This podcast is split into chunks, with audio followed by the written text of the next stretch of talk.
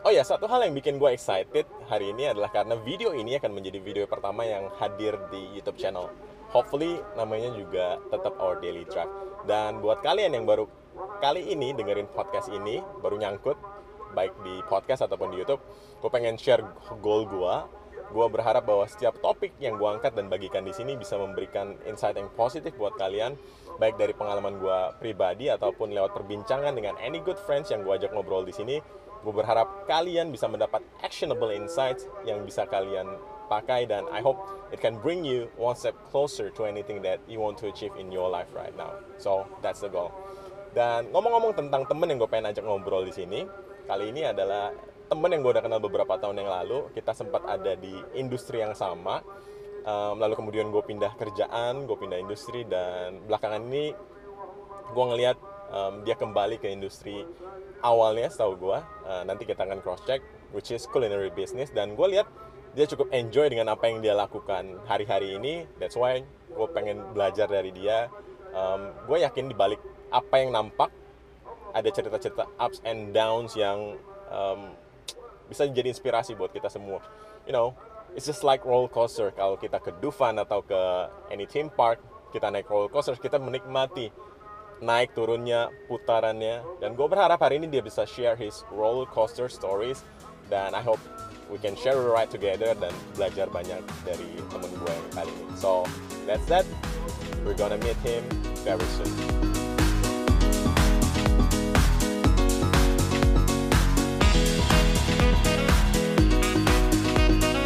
Hi everyone dan gue udah sama my good friends here namanya Gilang Wicaksono and who is he? Um, gue share sedikit kesibukannya di tengah kesibukannya yang sibuk sekali. Um, he's a member of IGA. IGA itu adalah Indonesian Gastronomy Association. Nanti mungkin lo akan cerita sedikit tentang IGA. And di IGA dia berperan sebagai Director for Business Development IGA. Later he's gonna share about it tentang IGA. Dan yang nggak kalah kece-nya adalah um, right now he's taking care of his own business, which is culinary business. Namanya adalah proklamasi. Yes, proklamasi buat kalian yang pernah dengar proklamasi catering, it's a very amazing catering karena proklamasi sudah um, serve um, istana kepresidenan for so many years. So um, he's the guy right now behind the um, proklamasi catering. So itu sedikit perkenalan tentang Gilang Wicaksono dan gue akan tanya lanjut ke tanya-tanya um, beberapa pertanyaan sama Gilang. So, Lang, boleh share um, IGA itu apa sekarang? IGA itu sebenarnya gastronomi asosiasi gastronomi di Indonesia sih salah satu uh, asosiasi. Oke. Okay. Dan kita emang kerjaannya tuh sibuknya tuh kerjasama dengan pemerintah khususnya kementerian, mm -hmm. Kementerian Pariwisata, Kementerian Sekretariat Negara, Kementerian Luar Negeri kita bikin memang salah satu jembatan mereka untuk bikin event-event untuk gimana caranya uh, orang Indonesia masyarakat Indonesia bisa mengenal gastronomi atau makanan itu khususnya makanan Indonesia itu apa? Oke, okay, karena um, kayak gue sendiri kita banyak terpapar sama um, kalau boleh disuruh pilih kalau ke mall gitu kan, yeah. pilih makanan, eh lu mau makan apa gitu kan? Kebanyakan kita kalau nggak pilih Japanese, Western, yeah. Chinese gitu kan, jarang banget yang kayak um, ke mall lu mau makan apa gue mau makan um, makanan Indonesia gado-gado atau apa itu kan uh, sangat sedikit. So that's the mission with IGA. Right now lu yeah. di IGA. Tapi um, kayak tadi gue bilang juga di intro um, yang gue kan gue udah kenal Gilang beberapa tahun yang lalu sebelum um, sekarang dia fokus di culinary industry. Um, kita sempat di industri yang sama. Um, kita akan ngobrol lebih banyak tentang itu. Dan share juga dong lang soal proklamasi lang karena proklamasi ini sejak 1981 gitu kan udah berdiri. Uh, kalau proklamasi ini sih sebenarnya bisnis lama yang dari nenek gue. Oke. Okay. Gitu. Jadi dari zaman nenek lo sebenarnya. Jadi bukan dari zaman orang tua lo gitu ya. ya. Jadi ya tipikal lah uh, kalau kakek gue kan tipikal orang kerja di bank ya cukup punya jabatan di sana ya. Uh -huh. Terus pensiun ya gila nih uangnya berkurang banyak nih kan gitu kan oke okay. dia punya anak lima kan masa itu termasuk bokap gue yang ketiga uh -huh. gimana cari duit ya udah nenek gue mikir gimana ya untuk menambal kehidupan okay. uh, suami gue gitu loh uh -huh. mikir mau so, sorry menambal suami dia gitu ya. nambah pendapatan suami Pendapatan suami ya, oke. dengan biaya hidup segini kan pensiun kan jadi berkurang Oke, anak lima. Hmm. Oke. Jadi mikir apa gue bikin uh, tailor jahit tempat Aha. jahit atau gue bikin apa bikin apa jualan apa ya pada akhirnya beliau memutuskan untuk bikin catering Bikin catering dan berlanjut sampai sekarang. uh, banyak sama sekarang Tapi gimana ceritanya akhirnya kapan sih itu proklamasi serve the istana gitu? Uh, sebenarnya kalau kapan itu sih kalau nggak salah tahun 80-an akhir Oke.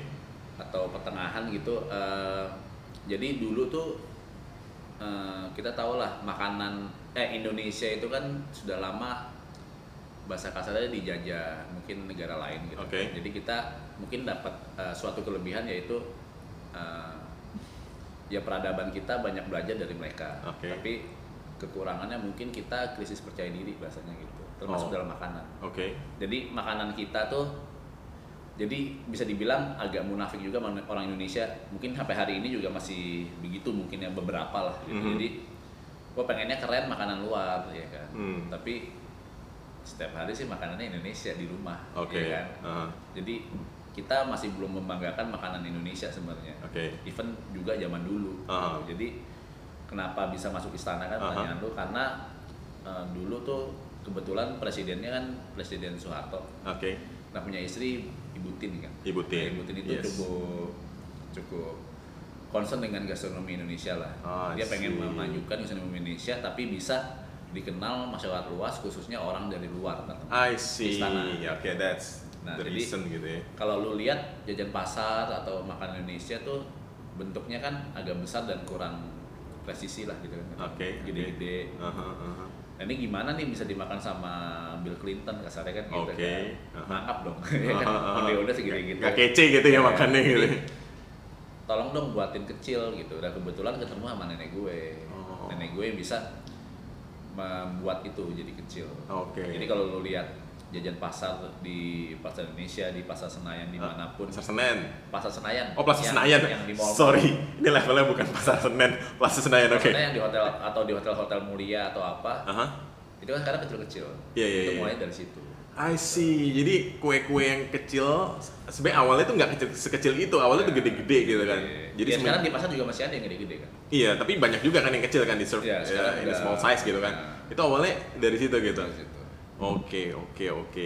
Dan itu awalnya sampai sekarang Ya. masih serve istana. Masih, masih. Oke. Oke, itu sedikit um, intro tentang kesibukannya lo lang. Tapi yang gue pengen tahu lebih dalam lagi tentang your roller coasters, Yeah. your your story lah. Um, kayak lu bilang proklamasi sebenarnya udah berdiri um, even sebelum lu ada gitu kan dari zaman nenek lu gitu kan. Sebenarnya lu punya kesempatan untuk um, kerja di proklamasi dari dulu Yes. right? Dari zaman sekolah atau apa lu udah bisa involve di the um, your family business gitu kan. Tapi akhirnya apa yang menyebabkan lu lu nggak mau nggak nggak tahu lu nggak mau atau kayak gimana lu bisa share gak Sebenarnya eh, apa ya? ibaratnya kan ini kalau lu udah modal nih udah ada platformnya nih tinggal jalanin gitu kan. Tapi kenapa lu nggak nggak ngambil? Nah, sebenarnya kalau gue bilang itu berawal semua orang ya kan banyak juga kehidupan seperti gue yang orang lain juga apa ya eh, jalani juga kan. ya Oke. kan? Jadi kenapa sih dikasih bisnis keluarga kok sempat nggak mau atau Iya, gimana gitu. right. Soalnya Karena kayak misalnya dari orang luar lihat kan, wah ini Udah bisnis sudah established right, kenapa tinggal on board gitu kan, and then jalan kapalnya gitu. Soalnya dulu gue dari masih kecil tuh semua gue percaya apa pun yang terjadi kita hari ini tuh ada akarnya dari kita masih kecil. Oke. Gitu. Jadi gue masih kecil tuh ngerasa mungkin karena orang tua gue pengen yang terbaik buat gue jadi semuanya sudah teratur dengan baik. Mhm. Ya, Which is itu kan bagus kan. Atur dengan baik maksudnya kayak gimana? Ya sekolah udah ditentuin, udah ini, makanan udah ada, Hmm. supir udah ada, Oke.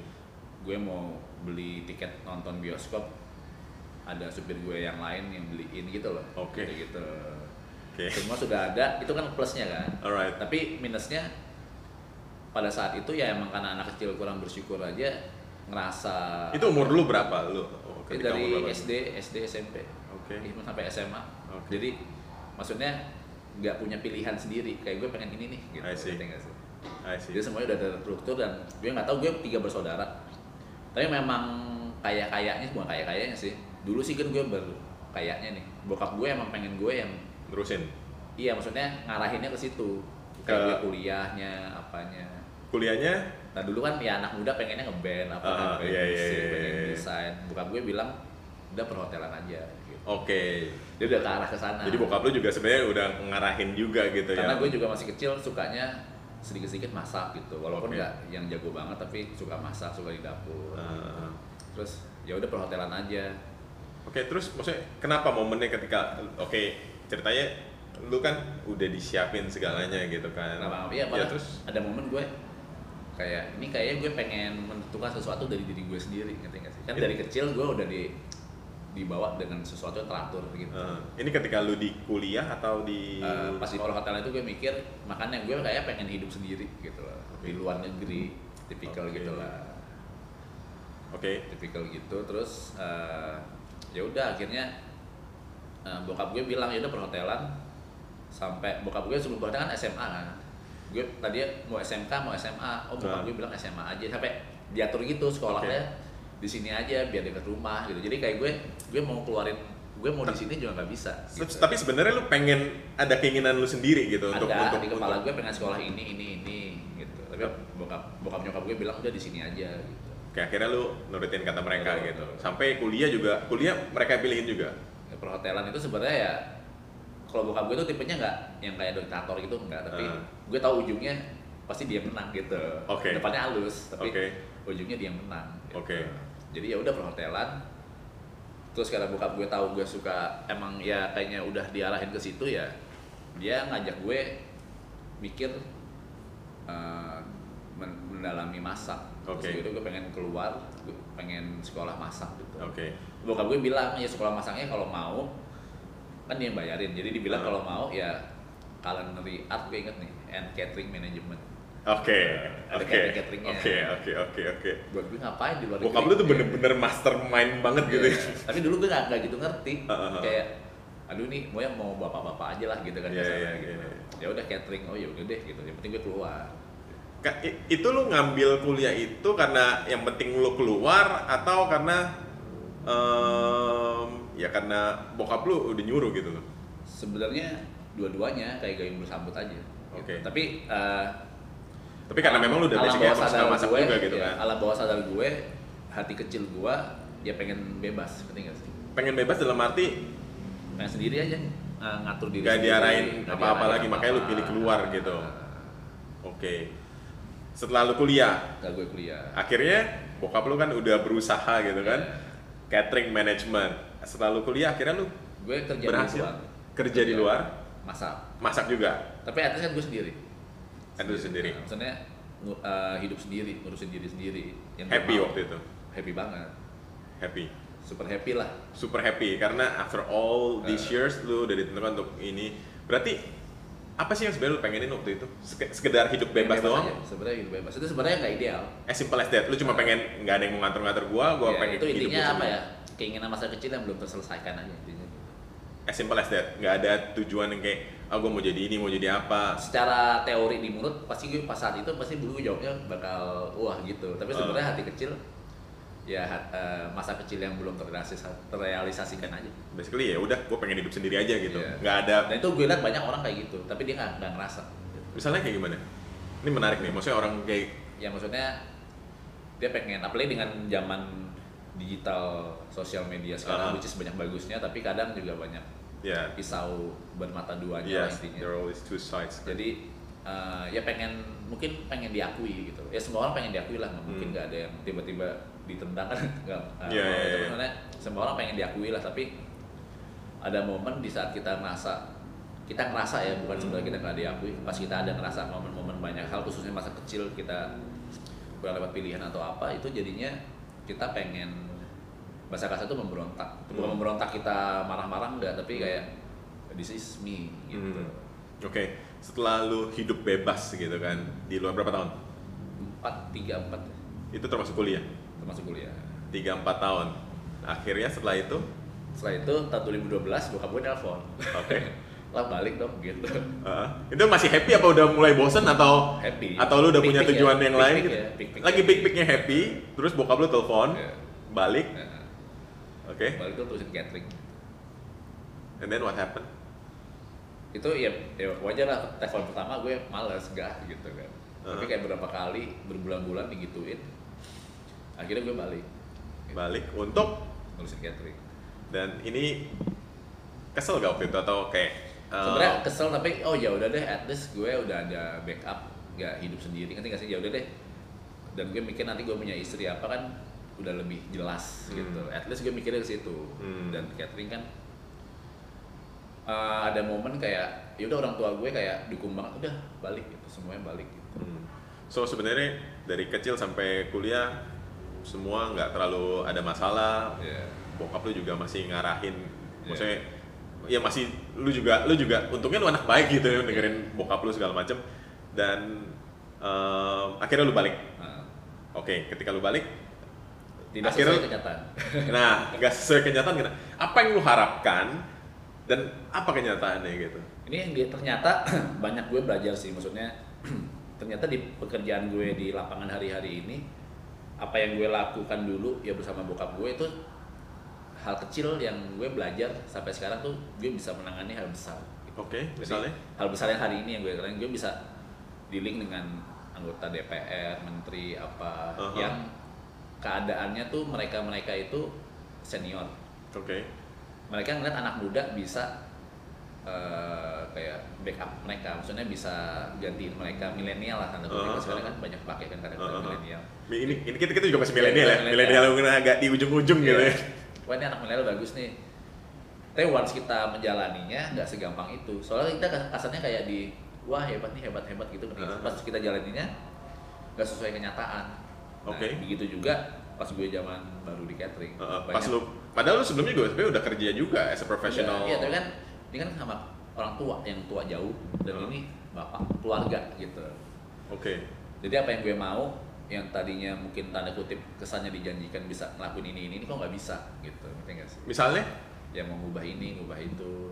jadi ya udah beberapa tahun di luar gitu kan, udah punya pengalaman Iya. sendiri. Gue pengen aplikasikan beberapa hal kayak gini-gini di bisnis em, keluarga gua ternyata it's not that easy gitu. Iya, iya. Banyak banyak tantangan-tantangannya Ya, gitu. banget. Dan gue kan umur masih 24 pasti saat itu ya. Uh-huh. Jadi bener-bener belum sabar, belum apa dan merasa kan tadi lu udah ngomong boleh gini kenapa realitanya di lapangan nggak boleh Uh, banyak uh, gitu. uh.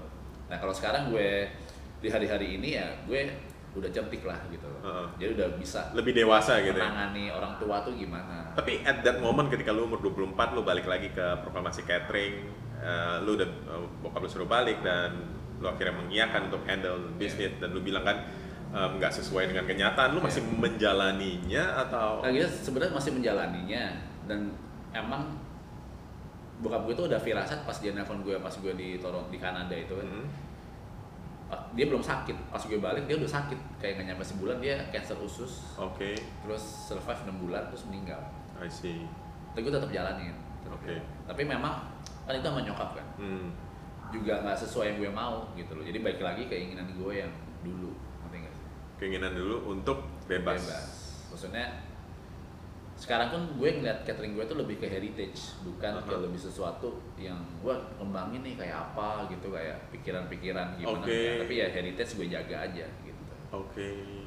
gitu Nah jadi em, berapa tahun lo akhirnya ngejalanin after lu balik? sampai 2013 Karena lu kan balik lagi lu pengen bebas gitu kan. ya, sampai 2013 Jadi lu balik tahun 2012 2012 2013 akhir 2013 akhir lu memutuskan untuk keluar keluar gue diajak teman gue finance itu untuk di industri finance itu. Nah.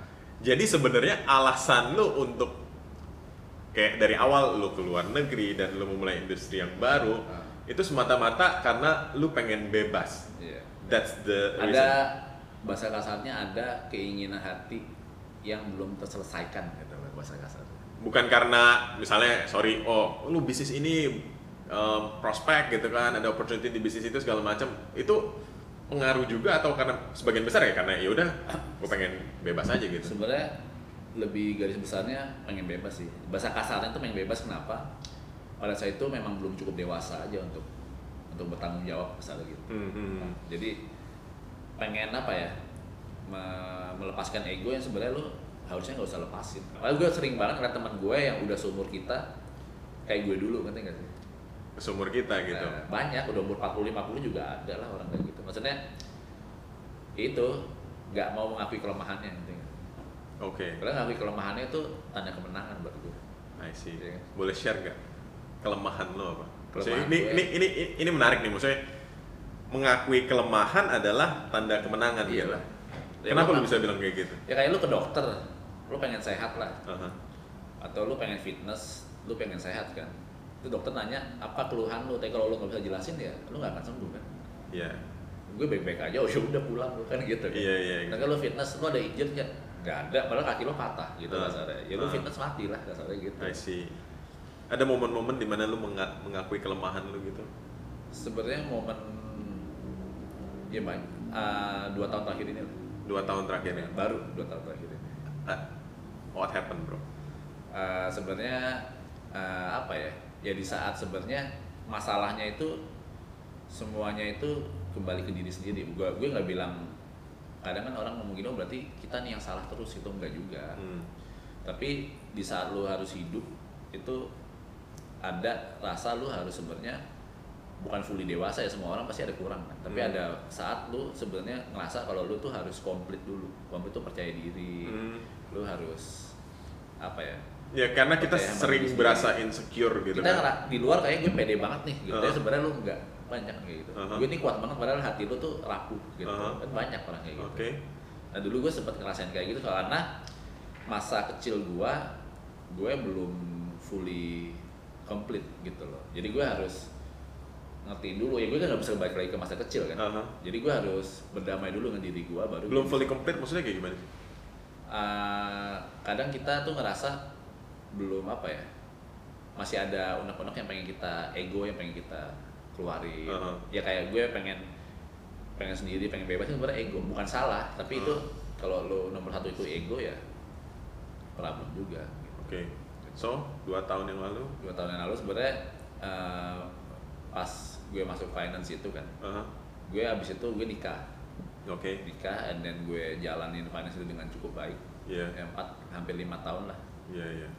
and then karena uh, ada problem dengan pernikahan gue akhirnya gue divorce Oke. gitu, divorce tapi di situ gue ngerasa kayak apa ya kayak akhirnya gue nemuin diri gue sendiri gue divorce 2019 akhir kalau 2019. eh sekarang no no no no, no. 2018. Oke.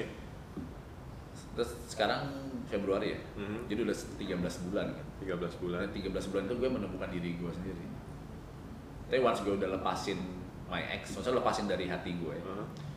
itu gue bisa bilang gue menemukan diri gue yang dulu tuh komplit Lu boleh share lebih dalam lagi gak sih? Maksudnya menemu karena ngomong soal menemukan diri sendiri itu, ini gue jadi merinding ya. Karena kompleks banget ya rumit banget ya i- iya rumit banget. Gue menjalani bertahun-tahun. Gue share di podcast gue awal, maksudnya dari semenjak gue kuliah, gue sekedar sedikit sharing gue. Gue dari sejak kuliah gue tanya, ehm, ada kiat-kiat apa gak sih untuk tahu kita mau ngapain, mau mau kerja apa segala macam. nggak ada yang bisa kasih jawaban yang pasti gitu makanya gue akhirnya ya kayak kata lu bilang maksudnya kita nggak punya pendirian yang mantap kita nggak tahu Iya. diri kita sendiri akhirnya dengerin kata orang Iya. Oh kata orang ngambil manajemen ambil manajemen oh kata orang em, banking industry lagi kece ikutin banking industry dan terombang ambing gitu nggak punya nggak basically ya nggak tahu diri kita sendiri gitu kan discover ourselves gitu. Akhirnya ya udah coba ini coba itu ambil seminar ini seminar itu yang bisa bikin sukses. Tapi pada akhirnya ya ya gue percaya sih bahwa setiap hal yang kita lalui there's a reason for everything mungkin karena hal itu juga yang akhirnya bisa bawa kita Yeah. to discover ourselves tapi ada yang prosesnya sebentar ada yang prosesnya lama membuat lo akhirnya terjadi dua tahun yang lalu gitu Yeah. kan umur ketika berapa 30 30, 30. gue sembilan tiga puluh tapi kalau gue bilang sih cara jelasinnya itu harus dilakuin sendiri Exactly. Gak bisa gue jelasin di sini ya, bisa sih dikit-dikit tapi Uh. tiap orang tuh punya punya their own story punya gitu their ya own story deh. to Yang discover. penting, lu harus tahu kelemahan lu lu Hmm. harus ngakuin lu kasarnya nih tanda kutip. Dari kecil lu gimana Hmm. sampai gede itu gimana karena kita nggak sadar gitu. Iya kan, nggak sadar udah tertanam di makanya subconscious gitu ya. banget uh, di force itu ngebuat gue jadi melek. Jadi gue ngelakuin apa pun tuh sekarang tuh kayak cukup ya puji Tuhan cukup lancar lah. Cukup Misalnya contohnya, maksudnya?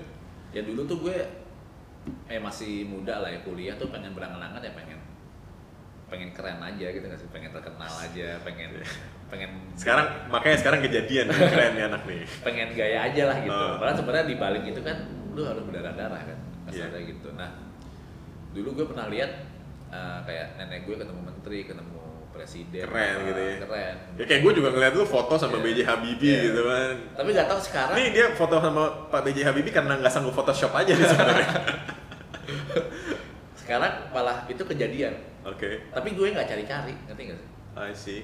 Jadi once kejadian itu ketemu siapa siapa siapa siapa, jadi keinget masa kecil gue yang gue pengen dulu, ngerti nggak? Oke. Wah akhirnya, Akhirnya kejadian pas saat ini. Kejadian gitu ya. Kalau gue nggak cari. Ah. Tapi mungkin kalau gue cari-cari, misalnya gue kayak dulu pengen bebas, pengen bebas, pengen bebas, Hmm. itu kayak sesuatu yang mentok, ngerti nggak sih? Hmm. Kayak itu ego lo yang lo cari terus, tapi akhirnya itu jadinya kayak dendam aja ke masa lalu, ngerti nggak? Ah, jadi jadi kayak obsesi lu gitu Ya, ya. obsesinya kalau menurut gue tuh, menurut gue ya, ini nggak tahu orang lain. Lu apa yang lu rasakan hari ini, lu enjoy aja. Gitu. Enjoy the present Ya, moment the gitu. present Ya. susah. Anak muda kan pengen, eh gue pengen punya cita-cita Iya. apa, apa, apa.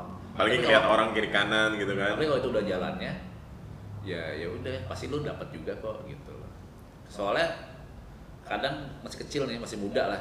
Kita punya keinginan kan banyak kan. Lu Hmm. pasti semua orang punya keinginan. Hmm. Tapi buat gue tuh orang dewasa tuh suatu keinginan lu tuh selaras dengan kebutuhan nggak? Hmm. Jadi kasarnya apa yang lo butuh, misalnya kenapa gue ketemu bisa ketemu situ situ situ ya karena emang gue butuh untuk sharing apa yang gue sharing, bukan karena keinginan gue pribadi, ngerti nggak sih? Hmm. Gitu. Sama juga kayak relationship kalau lu pengen ini ini ini, lu narik si pasangan lu doang kan. Iya iya iya. Tapi kalau lu sama-sama butuh ya lu bener-bener bisa klop. Iya iya iya. Itu yang gue belajar sih. Jadi lo enjoy aja hari ini lo ngapain aja, nggak usah sesuatu yang achievement duit apa gitu. Iya, Tapi iya. ya lu bisa ketemu temen kayak gini bisa ngobrol. Iya, gue juga bersyukur banget bisa ketemu sama Iya. lu kayak gini. Kan banyak orang kan kayak gue dulu pengen punya cita-cita mikirnya itu mulu gitu. Tapi ya hari ini yang gue dapat gue nggak bersyukur. Gitu. Hmm. Jadi sekarang apa? What's the desire? The desire ya jujur sih enjoy the moment aja. Sebenarnya gitu aja. Enjoy the present moment Bisa gitu ya. momen terus achievement duit itu yang gue pengen ngejar kita. Hmm. semua achievement yang kita itu pas gue ketemu titik itu ya ketemu ya orang-orang penting itulah salah satunya Hmm. gue ngerasa kayak apa ya wah gila gue ketemu dia nih pas lagi ngobrol gitu Uh-huh. misalnya padahal gue kan nggak kejar-kejar dia dari kemarin Uh-huh. gitu loh ketemu aja gitu jadi kalau buat gue sih apa your desire apa yang lo mau ya lo enjoy aja hari ini dulu Hmm. I see. I think that's very powerful Yeah. dan not easy untuk enjoy the nggak present gampang, moment nggak gitu ya. gue harus ngelewatin divorce dan lain sebagainya dulu Tapi gue pengen balik lagi lang yang lu bilang akhirnya lu menemukan diri lu sendiri dua tahun at, uh, ketika lu ketika lu divorce gitu kan. Apa sih ya hal yang lu temukan gitu? Ya diri sendiri sebenarnya kadang kita tuh analoginya kalau kita punya badan ya Apa kayak misalnya apa misalnya kayak oh selama ini gue pengen ini ini ini tapi ternyata itu bukan hal yang esensi yang gue pengenin gitu. Apa Iya, kayak gitu gak? bener juga bener juga Jadi selama ini gue ngejar Sesuatu this yang goal gitu kan, tapi sebenarnya itu bukan goal yang lu pengenin kayak gitu. itu sebenarnya grid lo doang sebenarnya gridinya kita aja gitu. Greedy-nya. iya Jadi waktu itu akhirnya ya lu bisa melepaskan itu dan lu- akhirnya malah itu datang gitu sih? dan gue menerimanya dengan kedamaian? Ini bukan anjir nih gue dapet nih hal kan ada orang gitu kan Terus Gimana? jadi, nyebelin kan ini buat yang lagi dengerin, buat, buat yang lagi nonton, gimana caranya? Maksudnya paling nggak apa sih ada hint-hintnya gak sih? Maksudnya gimana akhirnya lu bisa to discover yourself and then yo kayak lu bilang enak itu itu um, apa ya nikmat banget gitu kan? A- apa ada ada saran-saran gak sih apa sih maksudnya sebenarnya kalau gue apa ya gue apa yang lu lakukan waktu itu? Maksudnya entah itu Sebenarnya yang kalau lu yang- pikirkan atau apa ada ada habit yang lu lakukan kah gitu? sebenarnya kalau eh, kalau gue pribadi ya Aha. gue nggak bisa samain ke orang lain kalau gue ya karena divorce kan gue gak boleh jual aja deh lu divorce aja gak, gak gitu kan maksudnya karena gue divorce gue nemuin itu Maksudnya ke- kenapa? Kenapa? Karena divorce itu lu apa yang berubah gitu loh? berubah jadi kan gue Something sendiri. changes. Jadi lu change berdua. kan? heeh. jadi sendiri kan Oke. itu kan uh, problem banget kan pada saat itu gitu kan Oke.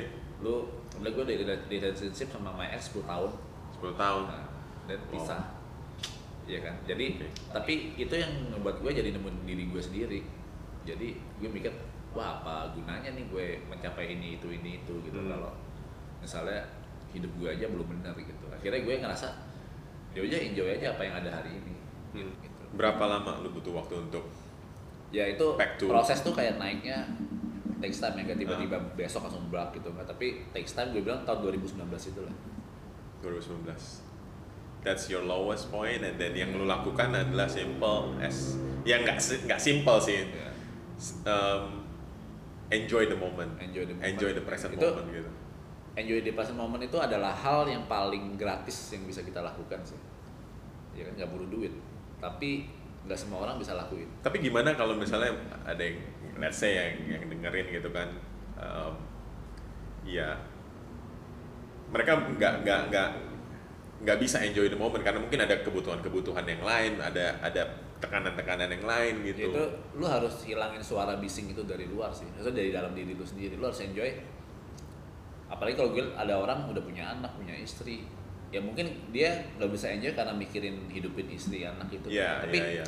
once lo ketarik dengan pikiran itu sorry to say lo jadinya jadi seorang mediocre doang. Gitu ngerti gak sih? Jadi cuman menghidupi kehidupan sehari-hari aja. Soalnya lo pusing nyari ini nyari ini. Tuh coba lo diem sejenak. Diem tuh bukannya berarti gak kerja nggak apa tapi Hmm. ya santai aja gitu. Enjoyingnya apa yang apa yang lo punya hari ini. Hmm. itu yang gue nggak tahu lagi jelasinnya gimana tapi Hmm. ya cuman itu sih Oke. enjoy aja hari ini Um, jujur buat gue juga Ya, nggak nggak nggak kedengarannya simple, ya. tapi gue yakin itu ya nggak sesimpel yang ketika dilakukan gitu. Tapi ya I, I think it's, it's a very powerful message. Iya, Um, gue rasa hari ini message-nya dari Gilang um, adalah Iya, saat satu tadi yang penting adalah supaya kita bisa menikmati momen saat ini di luar apa pun yang terjadi dengan Iya. kehidupan kita, di luar apa pun yang terjadi dengan kanan kiri kita, coba untuk um, bersyukur untuk hari ini gitu ya Lang ya. ya sebenarnya intinya bersyukur tapi bersyukur kan kayak terlalu luas nggak sih konsepnya tuh Aha. dia lu bersyukur aja kayak basi gitu kan Iya, tapi iya, iya. maksud dari spesifik bersyukur ya lu enjoying the present moment aja gitu lu Hmm.